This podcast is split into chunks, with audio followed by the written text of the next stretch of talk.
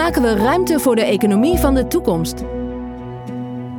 In deze podcast gaan host Marnix Kluiters en Rijksadviseur voor de fysieke leefomgeving Wouter Veldhuis in gesprek met visionairs en toekomstdenkers. Ze nemen je mee in hun zoektocht naar een economie die menselijk welzijn en het behoud van onze planeet centraal stelt. Een economie voor de 22e eeuw. Economie voor de 22e eeuw zal draaien op totaal andere grondstoffen dan de economie van vandaag de dag. Daarom ga ik vandaag in gesprek met uh, industrieel ecoloog René Klein. René, welkom. Leuk om met jou een gesprek ook over dit uh, belangrijke onderwerp te gaan. Maar eerst even naar Wouter Veldhuis. Wouter, jij bent adviseur, uh, Rijksadviseur voor de fysieke leefomgeving. Je houdt je bezig met ja, hoe Nederland er helemaal uitziet. Um, Normaal hebben we het denk ik wat meer over grond. Um, vandaag over grondstoffen. Waarom is dit onderwerp toch zo belangrijk voor jullie?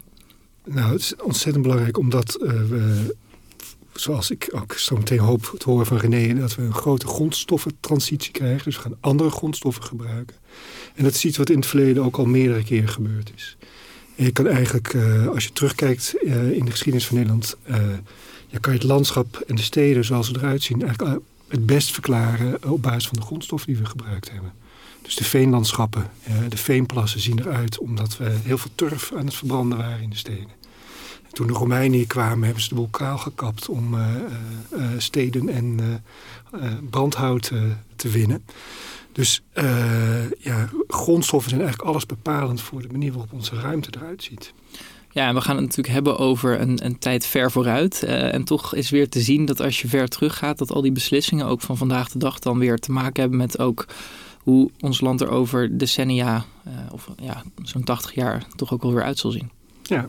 En wat ik dus heel mooi vind uh, van die verhalen van vroeger, is dat je, ja, die kan je dus ook extrapoleren naar de toekomst. Natuurlijk tot een zekere hoogte nog heel onzeker hoe dat dan werkt met die grondstof in de toekomst. Maar uh, wat we wel weten is dat het altijd wel een beetje pijnlijke kwesties zijn. Dus het zit in de grond of het moet uit de grond gehaald worden. Dus het grijpt ook in in de leefomgeving van de mensen die uh, nu en de komende jaren, decennia daar leven. En dat is nou precies waar een Rijksadviseur fysieke leefomgeving uh, mee bezig is. Van hoe kunnen we een balans vinden tussen de kwaliteit van het leven, de economie, de gezondheid, welzijn. En uh, ja, als we daar grondstoffen voor nodig hebben die we in ons land moeten gaan winnen, dan ben ik wel heel benieuwd wat daar de impact van uh, zal zijn. Ja, en daarom uh, hebben we vandaag René Klein aangehaakt. René, welkom. Jij bent industrieel ecoloog, verbonden aan de Universiteit Leiden. Um, wat doe je precies en wat is een industriële e ecoloog? Wat, wat is het voor een vakgebied? Ja, uh, dankjewel uh, voor de uitnodiging sowieso. En uh, ja, een onderwerp waar ik graag over, over praat. Um, industrieel ecoloog, het is natuurlijk een beetje inderdaad een soort van tegenstelling, industrieel en ecoloog. Uh, maar een industrieel ecoloog kijkt eigenlijk naar het metabolisme van de maatschappij. Zoals een arts kijkt naar het metabolisme van zijn patiënt, kijkt een industrieel ecoloog naar materiaal en energiestromen in de maatschappij. En we proberen die ja, aanknopingspunten te bieden, zeg maar, om die richting meer een duurzaam metabolisme te sturen. Dus uh, qua grondstoffen, maar ook qua energie. Ja. ja, en dan zien we natuurlijk vandaag de dag de grote problemen rondom broeikasgasuitstoot. In de vorige aflevering hebben we het gehad over uh, de energietransitie die we zullen maken met uh, Letitia Ouillet. Um, jij houdt je wat meer bezig met, ja, denk ik, de vraag die daar weer achter zit. Hè, van hoe we uiteindelijk die energietransitie gaan moeten organiseren met nieuwe grondstoffen. Is dat het belangrijkste dat we voor die energietransitie ehm, totaal nieuwe grondstoffen nodig hebben? Of is dat nog veel breder dan dat? Nou, het is in ieder geval één belangrijk aspect. Uh, dat energiesysteem, als je daarnaar kijkt, dan is het altijd groter dan je, dan je denkt, zeg maar. De mensen vergissen zich daar vaak in, maar het energiesysteem is gigantisch. Het gaat om de hoeveelheid stromen die daarmee mee gepaard gaan. En wat we nu zien, is dat we inderdaad, uh, als we inderdaad wat aan klimaatverandering willen doen en de klimaatdoelen willen halen, uh, dan hebben we die energietransitie heel hard nodig. Dus van fossiele brandstoffen naar zon, wind, elektrische auto's, nou, misschien nog wat nucleair en, en, en waterkracht en dat soort zaken. maar dat betekent wel dat je eigenlijk een omschakeling maakt. Dat de energietransitie is eigenlijk een grondstoffentransitie. Hè? Een transitie weg van kolen, olie en gas naar de metalen vooral. Uh, die je nodig hebt voor de batterijen, de zonnecellen en de windmolens. En En daarmee, zeg ik ook altijd, is de energietransitie niet alleen een grondstoffentransitie, maar ook een transitie naar een circulaire economie. Want die fossiele brandstoffen, op het moment dat je ze verbrand hebt, zeg maar, dan, nou ja, dan zijn ze weg. Uh, en ieder jaar moet je dus veiligstellen, zeg maar, een continue instroom veiligstellen van die fossiele brandstoffen. Terwijl als je een hernieuwbaar energiesysteem hebt, gebaseerd op zon en wind en alles wat daarbij hoort, um, ja, dan kan je je in principe richten op het beheren van een voorraad metalen in de maatschappij. En daarmee, um, ja, dan komt de circulariteit zelf, uh, vanzelf binnen, zeg maar. Ja. ja. want wat je dan eigenlijk doet, is natuurlijk metalen uit de grond halen, die je vervolgens in je systeem houdt. Terwijl als we fossiele brandstoffen verbranden, dan ja, dat is eerst in een eh, kringloop uh, miljoenen jaren daar uh, samengeperst door allerlei aardlagen. En vervolgens verbranden wij het in korte tijd en komt het in de atmosfeer. En duurt het heel lang voor je die kringloop weer gesloten, gesloten hebt, denk ik. Hè? Ja, precies. Is dat dan ook hoe jij vanuit die metabolisme vergelijking daarnaar kijkt? Ja, dat, dat is inderdaad een heel lineair onderdeel van het huidige metabolisme inderdaad. Hè, waar we, het, we hebben het vaak over de recycling van allerlei, allerlei producten die we gebruiken. Maar dat energiestuk, zeg maar, dat is super lineair inderdaad. Want je haalt het uit de grond, je verbrandt het en het is weg. En je moet het opnieuw uit de grond halen. Terwijl, ja, inderdaad, die metalen die kan je natuurlijk ja, in theorie in ieder geval eindeloos recyclen. Ja, en dat zou nog wel een mooi uh, onderdeel zijn. Want um, daar spelen natuurlijk grote uh, discussies ook bij. Van um, ook met geopolitieke verhoudingen. We moeten het ook weer ergens vandaan halen. Um, want uiteindelijk zeg je, het vergezicht is dan misschien een, een circulair systeem. Waarbij die materialen dus in het systeem blijven. En dan heb je een systeem wat, uh, ja, waar het nu eindig is, oneindig is, mag ik dat zo noemen? Ja, in, in, uh, zoals ik zeg, in, in theorie. Hè? Ik bedoel, het is natuurlijk wel zo, je moet er wel iets voor doen. Want als je, als je al die producten zo ontwerpt dat je die metalen er eigenlijk heel moeilijk of uh, uit kan halen. Of dat er geen business case voor is. Of dat je die business case niet ontwerpt. Of dat je het systeem niet op orde hebt. Dan kan je het alsnog kwijtraken. Hè? We raken nu ook heel veel metalen kwijt. Als je kijkt naar de recycling van metalen, is dat voor een aantal metalen is dat best goed. Maar voor een aantal metalen, bijvoorbeeld die in kleine hoeveelheden in elektronica zitten, is dat eigenlijk best slecht. Dus we moeten daar wel heel goed um, ons systeem op, op inrichten, zeg maar. Het gaat niet vanzelf goed, zeg maar. Ja, want iedereen weet dat zijn telefoon uh, vaker op de vuilnisbelt volgens mij terechtkomt dan dat er echt... Uh, ja, dat het modulair in elkaar zit en dat je makkelijk weer uit elkaar kan zetten en op een nieuwe manier in elkaar kan ja, en, en, als je praat over circulariteit, dan, dan, hè, dan heb je de, de, de air ladder, zoals dat dan zo mooi heet. Maar dat komt er eigenlijk op neer dat je. Het begint natuurlijk met echt bedenken van heb je het überhaupt wel nodig? Hè? En minder is altijd beter. Uh, en op een gegeven moment gaat het naar, uh, naar dingen als hergebruik en, en reparatiemogelijkheden. Uh, dus right to repair is tegenwoordig natuurlijk heel groot. En dat gaat natuurlijk over van ja, um, um, kunnen consumenten zelf de, de producten die ze hebben repareren? Is het makkelijk repareerbaar? Of is het inderdaad op het moment dat het stuk gaat als je batterij Je kennen dat allemaal wel. Batterij van je telefoon die is niet meer zo goed. Nou, kan je misschien nog net nog één keer vervangen. Maar het is best heel lastig. Je kan dat niet zelf doen. Dus daar is nu allerlei EU-regelgeving uh, komt, daar, uh, komt daarvoor gelukkig. Um, maar het is inderdaad zo dat uh, ja, heel veel van de, van de telefoons liggen op dit moment trouwens in, in, in de laadjes bij mensen thuis. Hè? dat is wat wij dan noemen de hibernating stock. De, de voorraad die in, in een soort van slaaptoestand is overal. Um, maar um, ja, niet alle elektronica is, is heel erg geschikt om daar de metalen weer uit te halen. Mobiele telefoon eigenlijk is nog een, een heel goed product. Uh, er zit veel meer goud in dan in gouderts bijvoorbeeld. Um, uh, en een bedrijf als Umicore, vlak over de grens bij Antwerpen, vindt het heel fijn om hoogwaardige elektronische producten, dus uh, telefoons bijvoorbeeld, maar ook laptops, om die te ontvangen om daar de metalen weer uit te halen. Ja, interessant. En wat ik wel boeiend vind ook, kijk, dit is allemaal aan de recyclekant, maar tegelijkertijd komen we natuurlijk ook uit een systeem waarin we heel veel energie op een fijne manier hebben kunnen gebruiken. Uh, ik heb wel eens de vergelijking gehoord dat het een soort bonbonnetjes zijn die je uit de grond trekt. Hè. Uh, heel veel voordelen, maar ook grote nadelen aan de achterkant natuurlijk, waar we nu de, ja, beginnen te merken dat dat zo is. Um, ik hoor ook vaak dat dit soort metalen waar jij het over hebt, dat die zeldzaam zijn. Hoe moet ik dat zien? Kunnen we, kunnen we want jij zegt in theorie heb je dadelijk een systeem wat, um, waarbij je de materialen hebt en kan blijven gebruiken. Uh, in ieder geval misschien niet oneindig, maar wel heel lang. En zeker als je het op de goede manier doet. Ja. Um, maar zijn er genoeg materialen? Nou, als het puur gaat om van hebben we genoeg materiaal om alle zonnecellen, windmolens en elektrische auto's te bouwen, is het antwoord eigenlijk ja. Maar um, die moeten we dan, als we de klimaatdoelen willen halen, moeten we die in de komende 30 jaar boven de grond halen. En uh, ik zeg altijd, er is een groot verschil tussen aan de ene kant schaarste en aan de andere kant uitputting.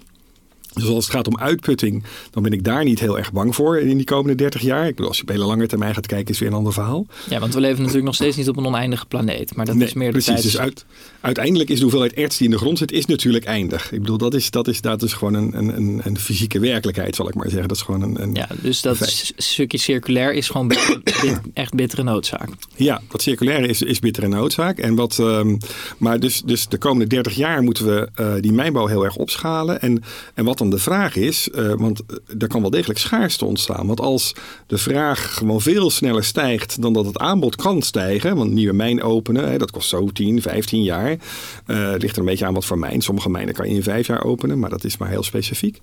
Dus, dus ehm, in die komende 30 jaar zal het wel heel spannend zijn of we al die materialen die we nodig hebben voor die energietransitie in die tijdperiode boven de grond kunnen halen. Daar zullen we alle zeilen voorbij moeten zetten. Ja, want, want gaat het met name om dit soort metalen waar jij het dan over hebt? Of, of welke grondstoffen praten we allemaal over eh, die we nodig hebben voor ja, al die transities en uiteindelijk die transitie denk ik, naar een circulaire economie die we denk ik hopelijk toch wel bereikt hebben dadelijk als we Ja. in de 22e eeuw zitten. Ja, het, gaat vooral over metalen inderdaad. Er zijn ook nog wel wat andere elementen. Bijvoorbeeld in een batterij zit ook grafiet.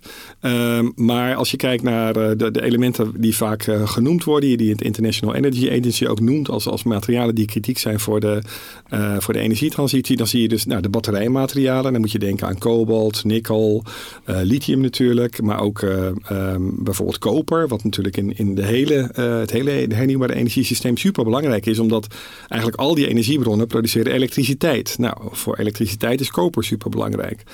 Dus, eh, dus dat zit in de batterijen. Dan heb je nog de, de zonnecellen. Daar zit bijvoorbeeld zilver in. Daar heb je silicium voor nodig.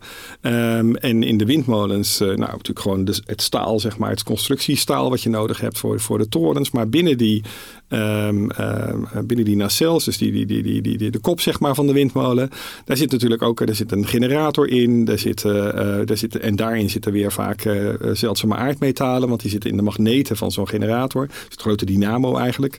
Ehm, waar die permanente magneten, die gemaakt zijn van zeldzame aardmetalen, eh, een belangrijke rol in spelen.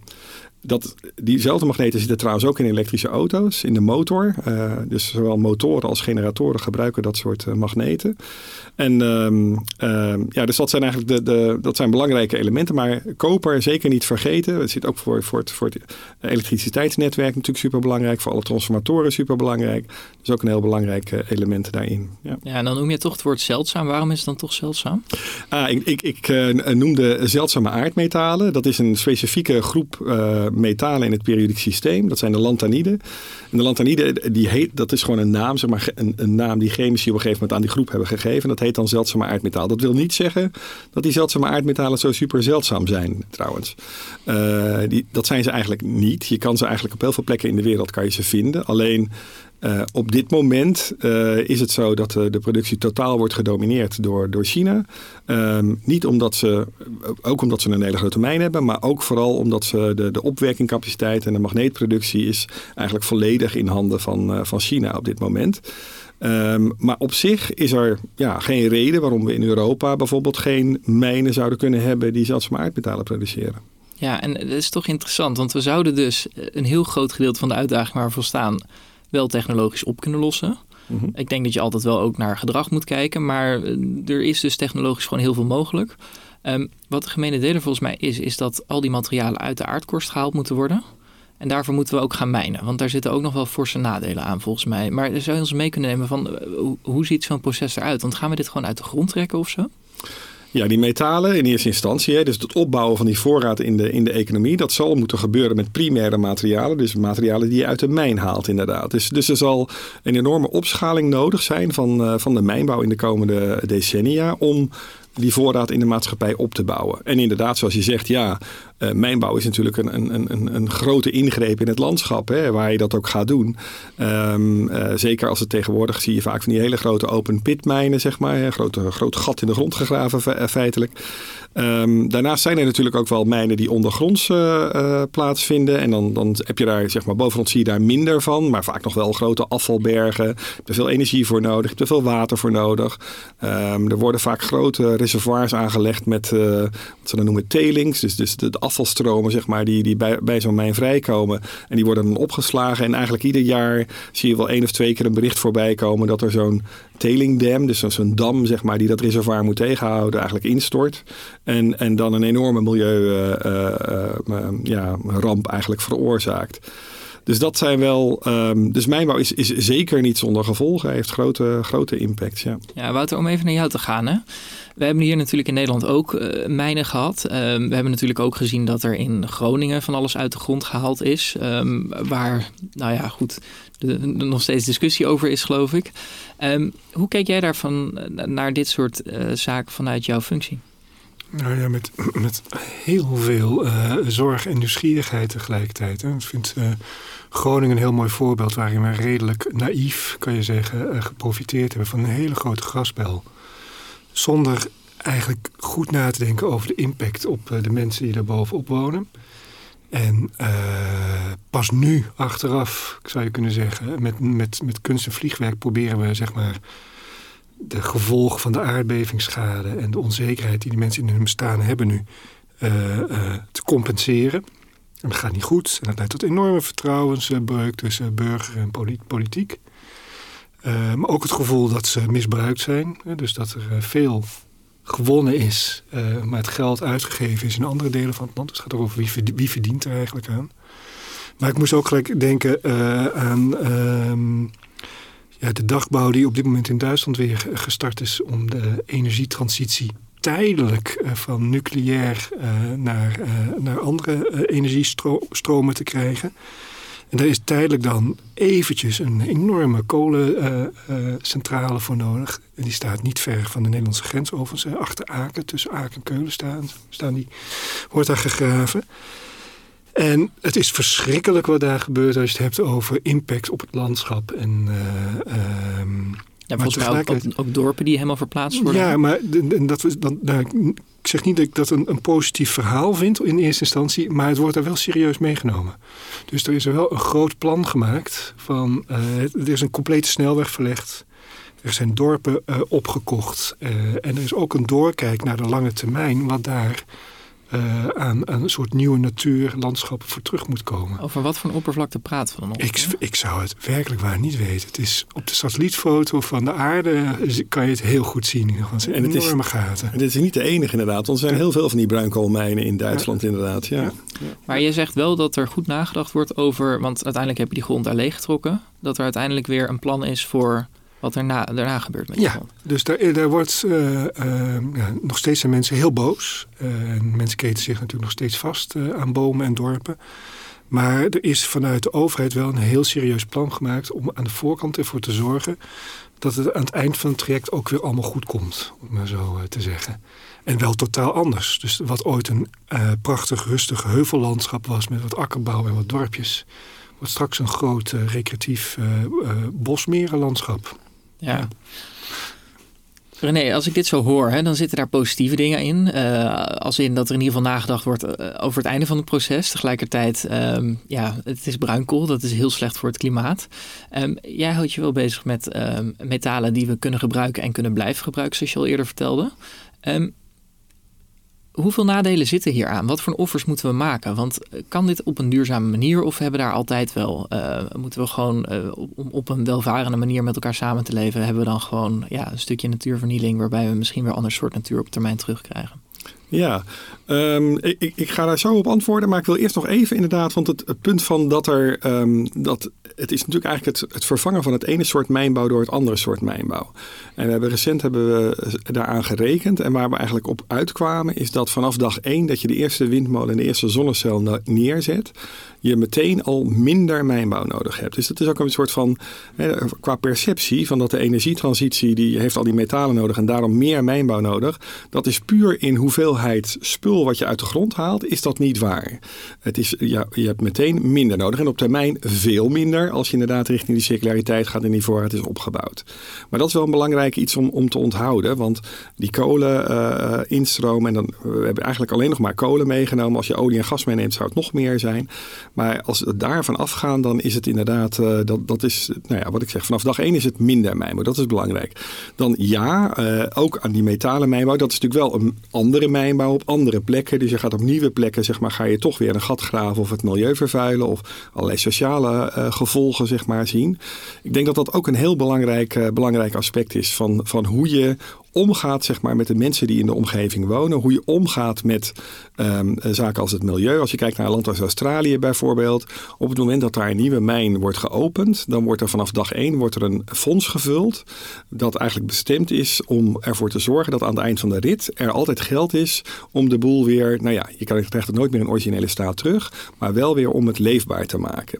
En dus ook als het bedrijf wat aan het mijnen is failliet gaat. Is dat fonds er nog steeds. Nou, dat, is, dat zijn belangrijke dingen die je kan doen om ervoor te zorgen dat je inderdaad uiteindelijk die gevolgen minimaliseert. En ja, het feit dat ook net gezegd werd van de, de, de, het meenemen van de lokale bevolking is natuurlijk super belangrijk. En um, we, kijken nu, hè, we hebben de Critical Raw Material Act in Europa, waarbij gezegd wordt dat we 10% van onze grondstoffen eigenlijk uit eigen gebied moeten halen binnen Europa in 2030 al. Nou, dat betekent dus dat we ook inderdaad meer mijnbouw in Europa gaan krijgen. Dus in Europa, en, en om dat voor elkaar te krijgen op die korte termijn, eh, is het idee dat de, de, de inspraakprocedures worden verkort. Nou, dat, dat staat natuurlijk in, in, in contrast of dat staat op span, gespannen voet, zeg maar, met het idee dat je de lokale bevolking juist goed mee moet nemen. Dus daar moeten we wel echt heel goed naar kijken. En niet alleen in Europa, want we hebben natuurlijk ook mijnbouw nodig, inderdaad, in, in bevriende landen zoals Australië en, en, Canada. Maar ook uh, in, in landen in Afrika bijvoorbeeld. En hoe ga je daarmee om? Wat voor soort uh, propositie hebben wij als Europa ten opzichte van wat bijvoorbeeld de Chinezen op dit moment doen in, Afrika. China is heel actief in Afrika, zijn uh, actief met het aanleggen van infrastructuur. Maar wat is het nou wat wij als Europa te bieden hebben? Daar moeten we goed over nadenken. Wat hebben wij nou als Europa te bieden? Um, ja, wat daar tegenop kan om überhaupt die grondstoffen te krijgen. Maar ook omdat wij in Europa uh, graag willen dat die, dat die grondstoffen op een verantwoorde manier worden gewonnen. Ja, want wat ik altijd hoor, je hebt het nu over 10% dadelijk winnen op eigen Europees terrein, mm is dat het voornamelijk gebeurt in uh, landen waar we misschien niet het meeste, uh, het, het, het, liefst zaken mee willen doen. Um, hoe zit dat? Want het, eh, we hebben ze dus wel ook hier in Europa liggen. Want waar komen al die metalen vandaan? Uh, er zijn uh, zeker gebieden in Europa waar je grondstoffen vandaan kan halen. Scandinavië is, daar is nog steeds best wel wat, wat mijnbouw. Maar ook in landen als Portugal en Spanje, daar zijn best mogelijkheden. En ook in het oosten van Europa um, zijn, zijn mogelijkheden om, om grondstoffen vandaan te halen. Gek, nou ja, gek genoeg. Zo moet Op basis waarvan worden die mogelijkheden geïdentificeerd? Is dat dan bevolkingsdichtheid of omdat er al mijnen zijn? Uh, puur op basis van wat er in de grond is, zeg maar. Uh, als, je, als je daarnaar kijkt, dan zijn er mogelijkheden. En dan vervolgens is natuurlijk de vraag: kunnen we dat op een economische manier uit de grond halen? Nou, in, in Scandinavië zijn gewoon nog een aantal mijnen die blijkbaar dus economisch kunnen uh, opereren. Er zijn ijzermijnen in, kopermijnen in, in, in Europa. Dus er zijn van allerlei mijnen zijn er al. Um, uh, dus, dus op basis zeg maar, van wat er in de grond voorkomt, zou je het kunnen doen. Of het dan vervolgens uh, acceptabel is voor, voor het land of de bevolking, dat is wat anders. En of het economisch rendabel is, is natuurlijk ook een andere vraag. Um, maar het is niet zo dat wij. We, we zijn relatief grondstofarm in Europa ten opzichte van andere landen. Maar het is niet zo dat er niks is. Uh, dus dat is wel. Uh, we hebben bijvoorbeeld ook, uh, ja, vlak voordat de oorlog in Oekraïne uitbrak, hadden wij als Europa een deal gesloten met Oekraïne om daar ook grondstoffen vandaan te halen.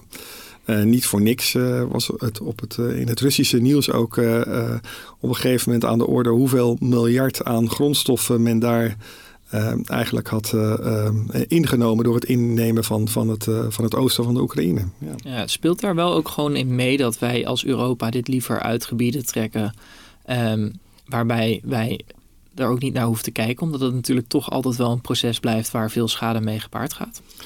Ja, ik denk dat dat, dat, dat uh, een soort van vanzelfsprekend is op het moment dat je een, een uh, in een land waar de welvaart relatief uh, groot is um, um, en, en de bevolking relatief mondig en waar je een democratisch systeem hebt, um, is het per definitie lastiger om een mijn te beginnen. Omdat je natuurlijk, ja, je, je moet die bevolking meenemen. Terwijl op andere plekken in de wereld dat of minder speelt, zoals in Australië, omdat het hele dun bevolkte gebieden zijn. Uh, of dat dat minder speelt omdat, het, omdat er gewoon ja, niet naar geluisterd wordt of niet naar gekeken wordt. Um, dus, dat, dus ik denk wel dat dat. En, en ja, het is natuurlijk wel tegenstrijdig, want wij willen als, als consument, zeg maar, willen we wel allemaal een mobiele telefoon, een laptop en een elektrische auto voor de deur. En graag ook wat elektriciteit daarbij. Uh, maar de mijn in de achtertuin, ja, daar zit niemand echt op te wachten natuurlijk. Nee, en op het moment dat het dus ergens in Congo, hoor ik vaak voorbij komt, komen gebeurt, dan uh, vinden we het allemaal eens een stuk minder erg. Nou ja, wat je niet ziet, dat is uh, dat, uh, waar, waar, je niet in de buurt zit. Het is niet, niet in mijn backyard. Het is eigenlijk gewoon hè, niet in mijn achtertuin. Maar, maar ergens anders is altijd in die zin minder erg. Um, er wordt ook gesproken over diepzeemijnbouw bijvoorbeeld. Nou, dat is nog verder uit het zicht eigenlijk. Van, ja, daar, daar zie je de gevolgen nauwelijks van als je aan het oppervlakte kijkt. Ja, precies, aan het oppervlakte kijkt. Want die precies. zijn er natuurlijk wel degelijk. Zeker. um, Iets anders wat natuurlijk ook nog meespeelt, is dat als wij het in Europa zelf gaan winnen, dat er ook allerlei logistiek op gang komt, neem ik aan, um, die nu mondiaal georganiseerd is. Hoe zit dat? Want um, ja. als wij zelfvoorzienender worden en ook op, op termijn misschien naar een systeem gaan waarin uh, ja, die materialen allemaal uit de grond getrokken zijn en, en we ze circulair kunnen beheren. Het zou mooi zijn als we die uitdaging ook nog weten te volbrengen. Betekent dat dat er ook wereldwijd logistieke veranderingen gaan optreden? Ja, ja zeker. Um, um, ook, ook qua geopolitieke verhoudingen. Je ziet nu natuurlijk dat landen die rijk zijn in olie, olie kolen en gas, zeg maar, dat die, dat die, nou, die, die, die, floreren zeg maar, economisch. Want dat, daar kunnen ze natuurlijk veel geld mee verdienen. Um, en je ziet dat zal een omschakeling worden naar landen die en rijk zijn zeg maar, aan, die, aan die metaalertsen, maar ook landen die daar wat mee kunnen doen. je ziet dat een land als China is bijvoorbeeld, als het gaat om uh, kobalt, um, 60% van de productie komt uit Congo inderdaad, dat noemde je net al even. Um, maar de verwerking tot batterijen gebeurt eigenlijk volledig in China. Um, dus dus, dus de, de raffinage van dat kobalt en, en, en, en, en wat er verder mee gebeurt, dus die, die verdere stappen in de productieketen, daar is China gewoon heel dominant voor heel veel van ja, de producten die wij hier in Europa gebruiken. Ja, hoe kijk jij daarnaar vanuit jouw perspectief, Wouter? Want het, uh, ook de logistiek is natuurlijk nu wel gewoon mondiaal georganiseerd. Ja, ja dus ik ben ook wel benieuwd uh, wat René daar nog meer over te zeggen heeft. Maar uh, ik, ik, ja, wij weten dat de Rotterdamse haven gewoon een hele belangrijke energiehaven is. waar olie doorheen gevoerd wordt en andere grondstoffen. Um, dus daar zijn wij in de afgelopen 60, 70 jaar echt heel groot in geworden. En ik vraag me inderdaad af van ja, wat is de toekomst van zo'n haven? Um, of schakelt die dan over op uh, andere grondstoffen die dan nog steeds door die haven gaan? Maar dan moeten we er wel eens mee gaan beginnen, denk ik. Als ik nu hoor dat China het eigenlijk al geregeld heeft allemaal. Nou, dat is een, een, hele terechte en een goede vraag inderdaad. Van, van, um, zeker als je inderdaad echt verder doorkijkt inderdaad naar de 22e eeuw. Hè, want dat, uh, dat doen we hier geloof ik. Uh, dan zal die, die Rotterdamse haven er echt heel anders uitzien. Want ja, je mag toch aannemen dat, die, dat olie ehm, nou, misschien nog een kleine rol speelt voor wat, wat, wat chemische industrie hier of daar. Maar dat het toch eigenlijk vrijwel is uitgefaseerd. Um, en hoe ziet die Rotterdamse haven er dan uit? Ik denk dat uh, als je daar een beetje door je oogharen kijkt, dan zie je denk ik dat um, uh, het is de vraag bijvoorbeeld of we in, in um, uh, in Europa en ook de, de, Rotterdamse haven of een rol kunnen spelen in de raffinage van, van die metalen bijvoorbeeld. En dat zijn processen die relatief veel energie vragen.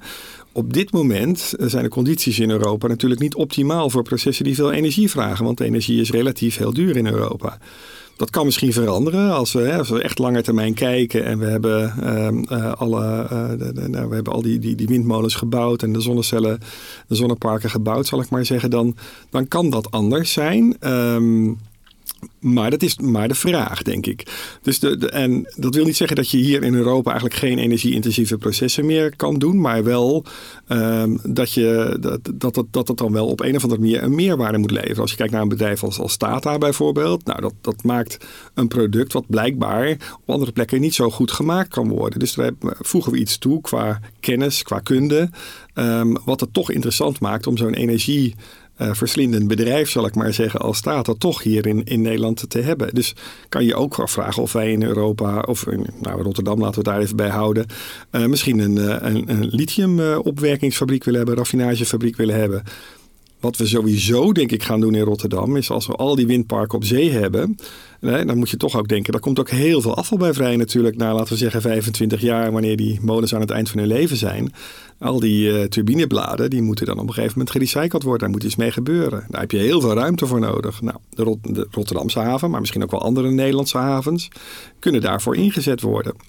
Ehm, en zullen daarvoor ingezet worden, denk ik eerlijk gezegd. Want dat lijkt ook, lijkt ook logisch. Dus, dus ook aan de kant van de secundaire grondstoffen kan je denken van ja, willen wij in, in Rotterdam misschien een hub hebben als het gaat om de recycling van die metalen? Ja, maar is de vervolgvraag wat mij betreft van uh, moeten we daar uh, hard voor aan de slag of gaat het dan vanzelf gebeuren? Dat gaat niet vanzelf, denk ik eerlijk gezegd. Als ik, um, als ik ook nu even kijk naar wat er in China gebeurt. Want wij hebben altijd het. Aan de ene kant hebben we het idee van. Uh, wat, wat vaak gezegd wordt, is van ja, maar wij zijn heel creatief en wij zijn heel innovatief. En nou, dan heb je niet echt eh, gekeken naar wat er in China gebeurt als je dat, als je dat maar blijft volhouden. Want daar gebeurt ook heel veel. En, en de beste batterijtechnologie, die komt echt uit China. En daar lopen wij echt achter in Europa en ook in de VS. Um, uh, dus dus dat, is, dat, is, dat is zeker niet zo. Maar ook als je kijkt naar de recycling bijvoorbeeld, dan zie je dat China daar nu hele grote stappen zet. Dus het is helemaal niet vanzelfsprekend uh, dat wij daar als Europa een rol in zouden spelen. Ja, en dat is denk ik sowieso um, wel interessant ook. Want um, je hoort sowieso veel dat heel veel van die ketens in handen zijn van China. Um, ik hoor jou nu zeggen dat wij uh, op ons eigen continent uh, 10% van de uh, essentiële grondstoffen dan willen gaan winnen. Dat betekent dat je nog steeds heel erg afhankelijk bent van andere landen. We moeten een enorme transitie door. 2050 moet het geregeld zijn. Wordt heel interessant. Technologisch zou het kunnen, maar wat, wat, moeten we gaan doen als Europa en misschien wel als Nederland zijn? Want daar zullen we toch wel goed over na moeten denken, denk ik ook. Ja, ik denk dat het, um, um, wat je eigenlijk vooral wil is, in, en er wordt nu in Europa gesproken over strategische autonomie. En er wordt niet gesproken over ontkoppeling van China, maar over de-risking uh, als het gaat om China. Nou, dat zijn natuurlijk hele subtiele uh, woordkeuzes, zeg maar, die er eigenlijk om gaan. Van, uh, en dan gaat het eigenlijk om, als het bijvoorbeeld gaat om die autonomie, dan gaat het niet echt om autonomie. Want strategische autonomie is, naar mijn idee, wat anders dan pure autonomie. Pure autonomie waarbij je zeg maar volledig zelfvoorzienend bent in niet alleen de grondstoffen, maar ook alle productieketens, is een illusie. Naar mijn idee. Als je kijkt naar, naar wat globalisering heeft gebracht. Globalisering heeft ontzettend veel goede dingen gebracht. Ook een aantal negatieve uh, uh, kanten gebracht natuurlijk. Maar over het algemeen zorgt globalisering er natuurlijk voor dat, dat processen plaatsvinden, dat de economische activiteit plaatsvindt op de plaats waar dat het beste kan gebeuren. Um, en, en ik ben niet naïef, ik snap ook best wel dat er, dat er allerlei uh, zijeffecten zijn of neveneffecten zijn die je niet wilt, wilt hebben. Maar het heeft ook heel veel gebracht, denk ik, als het gaat om de economische ontwikkeling van, van de wereld als geheel. En als je kijkt naar de producten zoals wij die nu gebruiken, of het nou een wasmachine is of een elektrische auto of zelfs maar je mobiele telefoon je vindt daar onderdelen in, uh, materialen in, grondstoffen in, die uit een heel ingewikkeld netwerk komen van allerlei processen die overal op de wereld plaatsvinden. Om te denken dat je dat zeg maar, als Europa zeg maar, helemaal uh, uh, zelf zou kunnen doen, is naïef en denk ik ook niet gewenst, eerlijk gezegd. Um, dus die, die verbindingen uh, tussen alle uh, delen van de wereld die zullen blijven. Um, en ik denk dat je dan, waar je dan voor moet zorgen, is dat, ja, wij hebben het dan over resilient supply chains. Ja, wat is nou, wat is nou resilient? Ik, mijn eigen leerstoel heet toekomstbestendige grondstofvoorziening, omdat ik resilient eigenlijk niet kon, goed kon vertalen. Veerkrachtig vind ik eigenlijk een slechte vertaling. Ja, weerbaar misschien dan wat, ja, wat, wat, wat, ja. wat, wat meer. Weerbaar inderdaad. Uh, maar, maar het gaat er dus om dat je, dat je ervoor zorgt dat je niet van één land afhankelijk bent. Maar ook niet alleen dat, maar ook niet dat je van één specifieke mijn uh, afhankelijk bent. Of van één specifiek, uh, een specifieke haven. Als je kijkt naar koper bijvoorbeeld, wat uit, uit, uit Afrika komt voor een deel dan zie je dat uh, de, de, infrastructuur daar dusdanig kwetsbaar is. Dat als daar, er zit één bepaalde brug ergens uit de Victoriaanse tijd. Nou, als die instort, hebben we een groot probleem in de kopervoorziening in de wereld. Nou, dat zijn dingen dat zijn, uh, die je eigenlijk niet wil. Dat zijn, dat zijn kwetsbaarheden in die, in die toevoerketens. En die wil je er eigenlijk uit hebben. Dus dan wil je diversificeren. Je wilt zorgen dat je verschillende aanbieders hebt van allerlei grondstoffen, materialen of tussenproducten. Je wilt voor een deel wil je ook zelfvoorzienend zijn. Dus je wilt zelf ook, je wilt misschien wat strategische voorraden aanleggen. Voor als er een kink in de kabel komt, dat je nog even vooruit kan. Um, nou, dat zijn allemaal opties die je kan gebruiken, zeg maar, om die, ja, om die strategische autonomie zeg maar, te bereiken zonder dat je nou helemaal zelfvoorzienend bent. Ja, ik moet er wel aan denken aan jouw vakgebied industriële ecologie. Dat je dan misschien wel de ecologie naar de industrie ook aan het brengen bent. Hè? Want vaak zie je in de ecologie dat als systemen veerkrachtig zijn, dat ze vaak ook heel divers zijn. Hè? Dus als de ene ja. soort uitstorft, dat er nog tien zijn die het kunnen opvangen. En dat we vaak als mensheid misschien nu juist de afgelopen 40 jaar wat meer op efficiëntie hebben gestuurd. Ja. En dat is leuk op de korte termijn totdat er een klap komt. Dan valt ineens dat systeem om natuurlijk. Ja, het, dat, is, dat is, ben ik helemaal met je eens. En dat is inderdaad ook een mooie vergelijking. Ehm, ik denk inderdaad dat het, uh, dat het zo is dat je ja, die, die, die, die, die veerkracht die wil je er eigenlijk op die manier inderdaad uh, gewoon, gewoon in krijgen. En je wilt inderdaad. En, het, en wat natuurlijk belangrijk is om je te realiseren. Um, we hebben dus heel erg gefocust op just-in-time management. En dat is super efficiënt. Maar als je nu met bedrijven praat die just-in-time management hebben, hebben gebruikt in het verleden. En ik ken een bedrijf wat, uh, daar heb ik een mooi verhaal van gehoord, van die door corona eigenlijk heel erg in de, in, in de problemen kwam. Die toevoerketens, die waren, dat, dat, dat just in time, dat werkte niet meer. Die hebben dat helemaal omgevormd naar al die dingen die ik net noemde. Dus diversificeren, strategische voorraden aanleggen, et cetera, et cetera. Maar dat kost natuurlijk iets. Dat is niet gratis. Het, het, het, optimale systeem was dat, was dat just-in-time management. Dus je gaat dan iets extra betalen, zeg maar, om die, om die veerkracht en die veiligheid en die weerbaarheid, zeg maar, maar in te bouwen. Maar de kosten daarvan zijn wel veel lager dan eh, eh, de kosten van het niet hebben van die, uh, van die grondstoffen. Die zijn veel hoger. Ja, en wat wel interessant is natuurlijk, als je het nou hebt over ook veerkracht in het systeem en um, ja, just in time versus niet just in time. Ik weet niet of daar een tegenantwoord op is. Um, is natuurlijk wel dat als je dadelijk dat systeem hebt staan, um, we zien dat we niet zelfvoorzienend kunnen zijn. Hè? Dat we al die materialen ook van allerlei andere landen nodig hebben. Maar op het moment dat die windmolen staat, staat hij er wel voor 25 jaar. Dan is het niet zo dat iemand in Rusland de gaskraan dicht kan draaien en dat we met een energietekort zitten. Daarin bouwen we denk ik wel ook aan een veel veerkrachtiger energiesysteem dan we voorheen hadden. Ja, ik vind, ik vind het leuk dat je dat, dat zegt. Want meestal hoor je juist het tegengestelde argument. Hè, waarbij mensen zeggen, ja, maar zon en wind, dat is niet stabiel. Hè, de wind waait niet altijd, de zon uh, schijnt niet altijd. Maar dit is inderdaad helemaal waar wat je zegt. Want je bent veel minder, je, bent wel, je hebt je eigen energiebron, zeg maar. Terwijl je anders ben je afhankelijk van het land wat inderdaad het, eh, de olie of het gas eh, produceert. Maar nu hebben we die windmolens gewoon zelf. Uh, en ja, inderdaad, die, die, die variabiliteit, zeg maar, die intermittency in die, in, die, in die toevoer, zeg maar, daar moet je iets mee. Maar, ehm, ehm, maar dat, nou ja, dat, dat, dat kan je inderdaad wel, wel bufferen in dat systeem, ja. ja.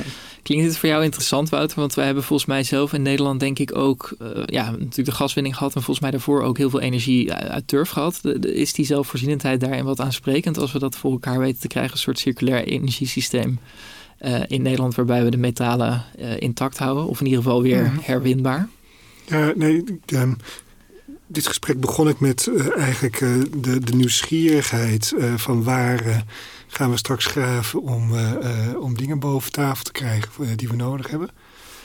Um, als ik het nu goed begrijp van René, is eigenlijk de grondstoffenwinning in Nederland in de bodem. Is eigenlijk niet echt aan de orde. Dat zit op heel veel andere plekken. Um, maar er ontstaat dus wel een soort grondstoffenecologie um, in Nederland die we in stand moeten gaan houden. En dat is iets, iets heel anders. Um, en ik vond met name die, die, die robuustheid of die weerbaarheid of die veerkracht uh, die dat systeem moet hebben. Um, daarvan dacht ik gelijk, ja, dan heb, dat vraagt dus ook ruimte. He, dat ja. vraagt opslag, dat vraagt buffercapaciteit, dat vraagt overdimensionering. En dat is iets wat we op dit moment in Nederland echt totaal niet kunnen. Dus op alle onderdelen dimensioneren we alles, ook in de ruimtelijke ordening, op uh, de eis van overmorgen, maar nooit op uh, dus ook in de, in de deltaveiligheid hebben we een lange traditie, maar daar zijn we ook steeds scherper aan het engineeren. Dus um, ik vind dit best wel een, een spannend ding in een land waar de ruimte beperkt is. Hè? Kunnen we, kunnen, hebben we genoeg ruimte om die, ja, die, die grondstoffen-ecologie straks op te bouwen en in stand te houden? Ja, dan ben ik nog wel eh, benieuwd naar één ander ding, eh, René. En jij hebt dat ergens voor het gesprek al verklapt aan mij. Maar als je het nou hebt over efficiëntie en ruimtegebruik. Ehm, dan zei je, dan is de Nederlandse overheid, want we gaan ook een enorme infrastructuur optuigen. Zou daar ook nog wel iets mee mogen doen? En dat heeft te maken met standaardisatie. Dacht ik dat je zei. Ja, zeker. Um, en dat heeft te maken eigenlijk met, met hoe je die, die, die grondstoffen eigenlijk gebruikt. En wat we nu aan het doen zijn. We zijn natuurlijk hele grote windparken op zee aan het bouwen. Uh, en steeds meer. En ik, uh, ik, ik, kom zelf graag, uh, ik woon in Leiden en ik kom graag in Katwijk. En ik zie ieder jaar zie ik er meer verschijnen, zeg maar, voor de kust. Um, ik, um, en en het, het punt is een beetje dat als je met windmolenproducenten praat, dan zeggen die eigenlijk van nou als we echt die doelstellingen voor 2050 willen halen, ehm, dan moeten we eigenlijk gaan standaardiseren. Want dan is het uh, makkelijker uit te rollen. Nu is het zo'n zo sterke focus op een nog een grotere turbine met nog meer capaciteit en nog hoger. Dat er op een gegeven moment uh, dat, dat, dat daar alle aandacht naartoe gaat. Terwijl eigenlijk als je gewoon snel wil bouwen, uh, dan zou je beter kunnen zeggen van nou die windmolens zijn eigenlijk best, ja, ze zijn niet uitontwikkeld, maar ze zijn al best wel goed. laten we er nou voor zorgen dat we dat standaardiseren. En um, een van de dingen die je, dan, die je dan hoort is dat ze zeggen van ja, als je nou kijkt naar de infrastructuur die op die zeebodem nodig is. Je hebt, hebt, uh, uh, je hebt dus de, de, de, de, kabels zeg maar nodig die die windmolens met elkaar verbinden. Die naar transformatorstations in zee worden geleid. Je hebt de delen die onder water staan. Dus dat zijn de monopiles zoals dat heet. De, de palen waarop die windmolens eigenlijk staan. dan heb je het, de toren zelf. Dus de, de, de, de hoge mast zeg maar waarop, waarop uiteindelijk bovenop uh, de, uh, nou ja, de, de, de wieken staan, zal ik maar zeggen. Um, dat hele stuk tot, aan die tot en met die toren zou je best kunnen bouwen voor een levensduur van 100 of 150 jaar. Um, zoals het nu gebeurt, is het in principe zo dat aan het eind van, de, van het leven, van het technische leven of economische leven van zo'n windmolen, er worden nu al windmolens trouwens afgebroken die niet technisch aan het eind van leven zijn, maar wel economisch aan het eind van hun leven zijn dan wordt die hele spullenboel wordt eigenlijk ehm, afgebroken en dan wordt het weer opnieuw gebouwd. En, en zo'n monopaal zit ook verankerd in de grond en dan wordt het een paar meter onder het uh, grondoppervlak of het sedimentoppervlak wordt dat afge, afgekapt en de rest blijft zitten. Dus dat ben je kwijt. Dus op het moment dat je die infrastructuur voor langere tijd neerzet, en dat is je ook met de, de hogere circulariteitsstrategieën, zeg maar, dan kan je gewoon ervoor zorgen dat dat veel langer meegaat. En dat je, dus dat je niet na 25 jaar weer al die materialen nodig hebt. Ja, dit doet me dus ontzettend denken aan de hele discussie die we natuurlijk hebben gehad rondom kabeltjes, waarvan iedereen waarschijnlijk nog wel uh, uh, nadenkt uh, of, of kabeltjes heeft. Hè, de, vijf of zes verschillende soorten waarbij we nu eindelijk naar USB-C gaan, maar ook de treinen, het internationale spoornetwerk wat we graag willen hebben, waarbij als je de uh, trein naar Duitsland wil hebben, dat er geloof ik iets van een uh, andere, uh, hoe heet dat? Spanning op het net. Ja, dus je hebt een andere locomotief ja. nodig, waardoor het gewisseld moet worden. Dus ja, volgens mij moeten we dan heel erg leren van dat soort dingen en dat naar voren halen als ik jou zo hoor. Ja, ik denk dat, dat, dat, dat efficiëntie komt met standaardisering. En dan, maar dat betekent dus wel dat er, dat er in, in ieder geval binnen Europa afspraken gemaakt moeten worden over dat soort, dat soort zaken. Ja. Ja, Wouter, hoe kijk jij daarnaar? Want dit, dit klinkt als een rol die de overheid bijvoorbeeld ook zou kunnen oppakken, of als Nederland. Ja, zeker. Ik vind het uh, kijk, voor mij een, eye-opener, een uh, verrassing, deze, deze oproep. Maar ik moet ook gelijk denken aan het containervervoer. Waar natuurlijk ook niemand meer, meer, zich afvraagt of dit nou de ideale container is. Maar ja, dit is gewoon de standaard en dan werkt het wereldwijd. maar ik vind het wel ook een mooi voorbeeld weer van iets wat we in Nederland op dit moment nog niet kunnen. Namelijk, we hebben erg veel geloof in dat de markt elke keer slimmer en efficiënter wordt. Terwijl vanuit de markt, ook op verschillende segmenten, ook in de, in de ruimtelijke ordening, eigenlijk vraagt om, zet nou, zet nou de standaard. Dan kunnen wij uh, beter gaan uh, opereren. Ja. Dus uh, ik, ik, die oproep tot standaardisatie, dat vind ik wel een hele dankbare aangrijpingspunt voor eh, de Rijksoverheid die zegt van uh, we moeten meer regie voeren op de ruimte, we moeten meer regie voeren op de energietransitie. Dan is het misschien zoiets simpels eigenlijk als standaardisatie die dat kan doen. Uh, en op dit moment stoppen we vooral heel veel geld in innovatie elke keer. Weer iets opnieuw uitvinden. Het vernieuwende. Um, dus ik denk dat dat misschien ook bij de Rijksoverheid tot een hele andere mindset moet leiden. Om te sturen op ja, standaardisatie en opschaling.